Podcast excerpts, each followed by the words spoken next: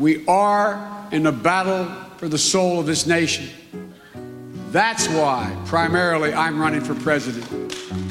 Joe Biden var mannen som lovte å få orden på USA etter Trump. Men eh, problemene de har stått i kø. Korona, stadig dyrere bensin og en kaotisk Afghanistan-exit. Ingenting har gått som det skulle. Men så kom en overraskende krig i Europa.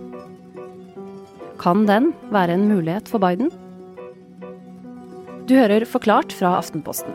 Jeg heter Hanne Marie Maugesten. Det er mandag 14. mars.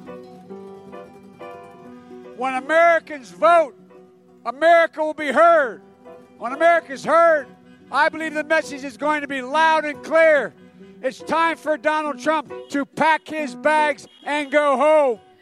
Øystein Kløvstad Langberg, du er Aftenpostens USA-korrespondent.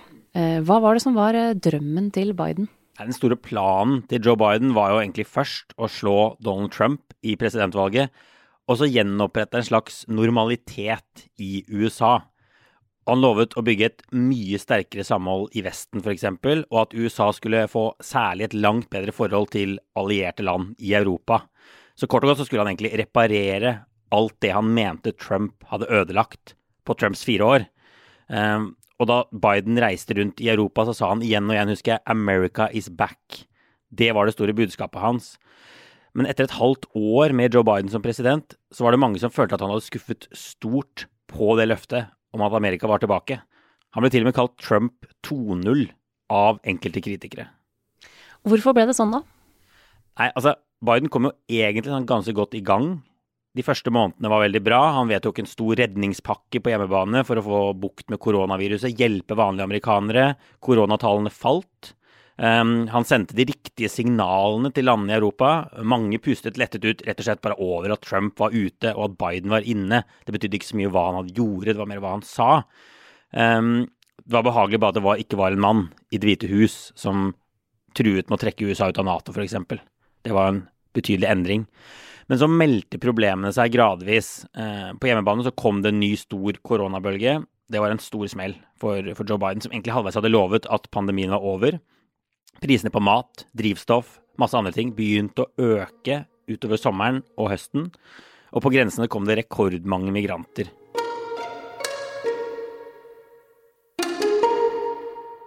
Men det som kanskje var skadeligst av alt, var USAs exit fra Afghanistan. Joe Biden trekker alle amerikanske styrker ut av Afghanistan. Sluttdatoen er spesiell. Den ble, som mange husker, veldig veldig kaotisk, og Biden-regjeringen virket bare ekstremt bakpå. Taliban marsjerte jo fram, tok over hele landet mye raskere enn noen hadde sett for seg. Og Det ble skrevet også masse saker om at landene i Europa ikke følte at USA lyttet til dem når de kom med råd og innspill om hvordan den Afghanistan-uttrekket burde være.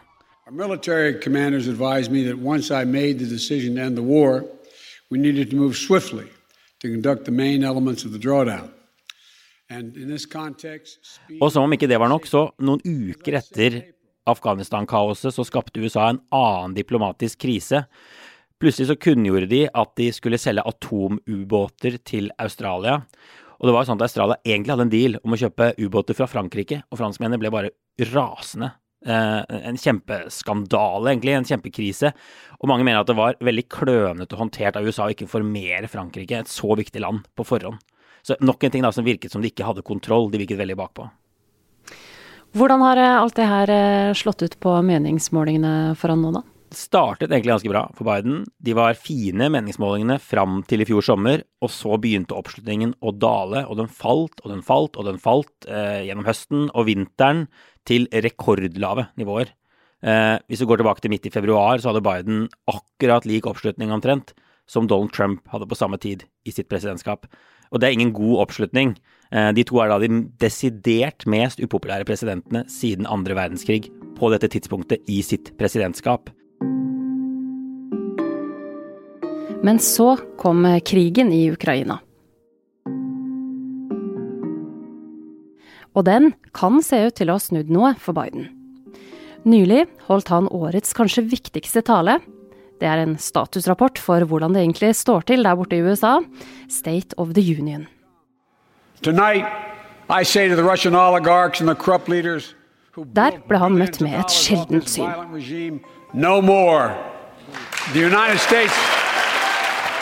Det vanligvis så splitta politiske USA reiste seg og klappa i solidaritet med Ukraina.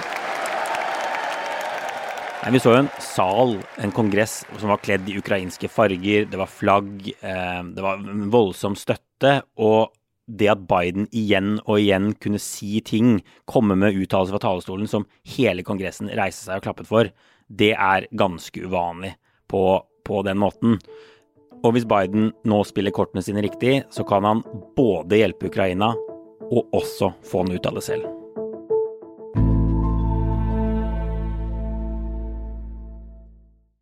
Øystein, hvordan kan eh, Ukraina-krigen ha hjulpet Biden på hjemmebane? Altså, Biden er jo en gammel mann, det kan alle se. Eh, han snubler i ord, han snubler i setninger. Men denne alderen hans gjør selvfølgelig også at han er en veldig erfaren politiker. Eh, og mange vil si han er skapt for nettopp et øyeblikk som det som har oppstått nå. Han har veldig lang utenrikspolitisk erfaring. Han har vært visepresident, han har vært senator i en manns alder. Han har også pleid forholdet til politikere og land i Europa, både når han har sittet i posisjon og når han har vært måte, i opposisjon. Og få vil sette spørsmålstegn ved om han er genuint opptatt av Nato. Det har han på en måte vært i alle år. Han er opptatt av EU, han er opptatt av internasjonalt samarbeid, disse typer ting. Og krigen i Ukraina har gitt ham muligheten til å bidra til å samle Nato igjen, samle Vesten igjen, og bruke sin erfaring til å bygge en felles front mot Putin. På en måte akkurat sånn han lovet i valgkampen. På hvilken måte har det fungert, da? En av de tingene mange mener har overrasket Putin, er det sterke samholdet i Vesten og de veldig sånn inngripende mottiltakene som jo landene i Europa og USA har blitt enige om. Ehm, og her ser egentlig Biden og regjeringen hans ut til å ha spilt en ganske viktig rolle i kulissene. De har bevisst valgt å holde en ganske sånn lav profil og ikke kunngjøre f.eks. egne sanksjoner med en gang før de har fått med seg Europa. De har ventet på Europa. Og det kan være en veldig smart strategi. Mange europeiske ledere og land, f.eks. Frankrike, er va veldig vare på nettopp det å ikke fremstå offentlig som en nikkedukke for USA. De viser at de kommer med sine egne ting, sine egne sanksjoner. Biden og USA har også gjort en annen uvanlig ting før krigen i Ukraina brøt ut. Biden fortalte verden hva de trodde var Putins hemmelige planer. Altså, de delte etterretningsinformasjon offentlig. Og det har de ikke gjort tidligere. Ja, altså, det har vakt ganske mye oppmerksomhet hvordan USA har brukt etterretning. Noen har sagt, beskrevet det som en veldig aggressiv bruk av etterretningsinformasjon. Det var sånn at I ukene og månedene før invasjonen så beskrev USA i detalj hva Russland holdt på med eh, ved Ukrainas grense. Hvor mange soldater de hadde oppmarsjert til enhver tid. kom med jevnlige oppdateringer av det. De la frem konkrete eksempler på hvilke påskudd Russland ville bruke for å gjennomføre en invasjon. Um, og Biden var selv ganske tidlig klar på at Putin kom til å invadere. Det var ikke litt oppsikt da han sa det, han trodde allerede Putin hadde bestemt seg. Dette forhindret jo ikke invasjonen. Den kom uansett, men den bidro nok til å gjøre det vanskelig for russerne å tåkelegge hva de holdt på med. Som vi har sett tidligere, f.eks. i 2014, da de annekterte Krim, var det vanskelig å få egentlig skjønne hva som skjedde, før det var for sent. Så man kan si at det her er en oppreisning for USA, og særlig liksom kredibiliteten til amerikansk etterretning. Særlig etter kaoset i Afghanistan, hvor det jo virket som de ikke ante hva de holdt på med. Mm. Hva kan det ha å si for Biden, da? Hvis man går tilbake i historien, så var det ofte sånn at amerikanske presidenter fikk solide hopp i oppslutning på meningsmålingene når det var store kriser, enten nasjonalt eller internasjonalt alle de største presidentene i USAs historie har ledet landet gjennom krig og kriser. Og en gang var det til og med sånn i USA at det var vanlig å ikke kritisere den sittende presidenten i utenrikspolitikken, da, særlig når det var eh, kriser. Eh, da holdt man litt igjen. Men den historiske effekten ser Biden egentlig i veldig liten grad ut til å dra nytte av nå. Han kritiseres fra øst og vest i harde ordelag for, for håndteringen av krigen. We've seen a Russian dictator now terrorize the Ukrainian people because America didn't demonstrate the resolve that we did for the four years prior. And the president's approach to foreign policy has consistently been too little, too late. Hvorfor eh, er det blitt sånn, tror du? En grunn til det er jo at USA er et mye mer splittet land enn det pleide å være, der folk ser på sine politiske motstandere langt mer negativt enn før. Det er ikke lenger en sånn refleks om å slutte opp om lederen når det oppstår en tøff situasjon. Snarere så ser vi at mange bruker krigen til å stemple Biden som, som svak, eller trekke fram egne sånn innenrikspolitiske kamper. Donald Trump fikk jo mye oppmerksomhet for å ha kalt Putins strategi i Ukraina for genial, f.eks., rett før krigen. Og han også hevdet at invasjonen aldri ville skjedd hvis han hadde vært president fremfor Biden. Så jeg tenker at alt dette viser at det skal ekstremt mye til nå for at USA samler seg om en president i krisetid. Amerikanerne ser ut til å være enige med Biden i to ting. Sanksjonene mot Russland, og at USA ikke bør sende soldater inn i Ukraina. Og så ser vi at litt flere enn for noen uker siden er fornøyde med jobben presidenten gjør. Det er jo et vanlig spørsmål å stille amerikanere som vi måler populariteten på. Eh, litt færre sier at de er direkte misfornøyde også. Men som nevnt så handler det om små utslag. Det er altså noen prosentpoeng Biden går frem. Han er fortsatt jevnt over ikke en veldig populær mann. I hvert fall ikke ennå.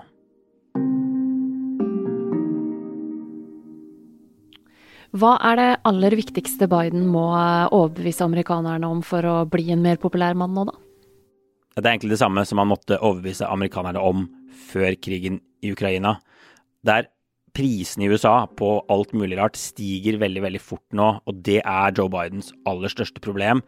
Spesielt bensinprisen er jo noe veldig mange amerikanere er opptatt av. Det er jo et land hvor bilen står veldig sentralt. Man må kjøre nesten overalt. Eh, kollektivtransporten er på en måte ja, dårlig jevnt over, bortsett fra noen veldig store byer.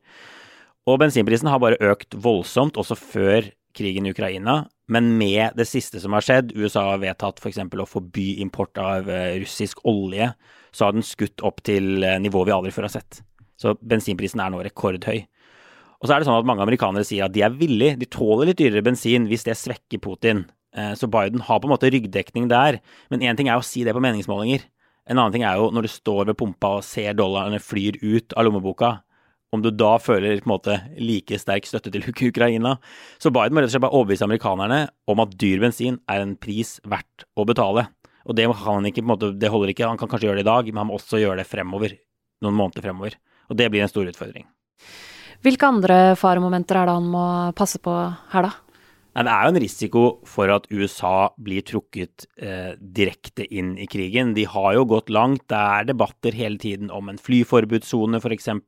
Å sende jagerfly er en debatt. Det er sånn som kan gjøre at USA blir enda mer eh, direkte, ja, direkte trukket inn.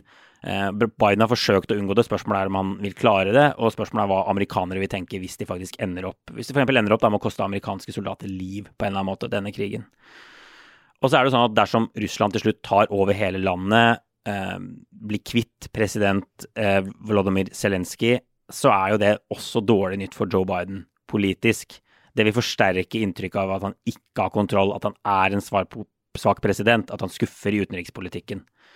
Men så må vi si da, på en annen side, hvis, hvis Putin ikke lykkes i Ukraina, og i tillegg begynner å få ganske store problemer på hjemmebane, så kan det jo på en måte, til tross for at det vil bli og har vært masse tap og lidelser i Ukraina, bli en betydelig utenrikspolitisk seier for Biden. Så egentlig så er det sånn at de neste månedene vil bli helt avgjørende. Både for Ukrainas skjebne som land, men også for Joe Bidens skjebne som politiker og president.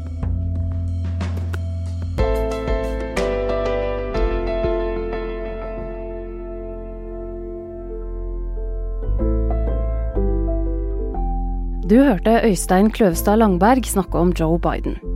Denne episoden er laga av Anne Lindholm og meg, Hanne Marie Maugesten.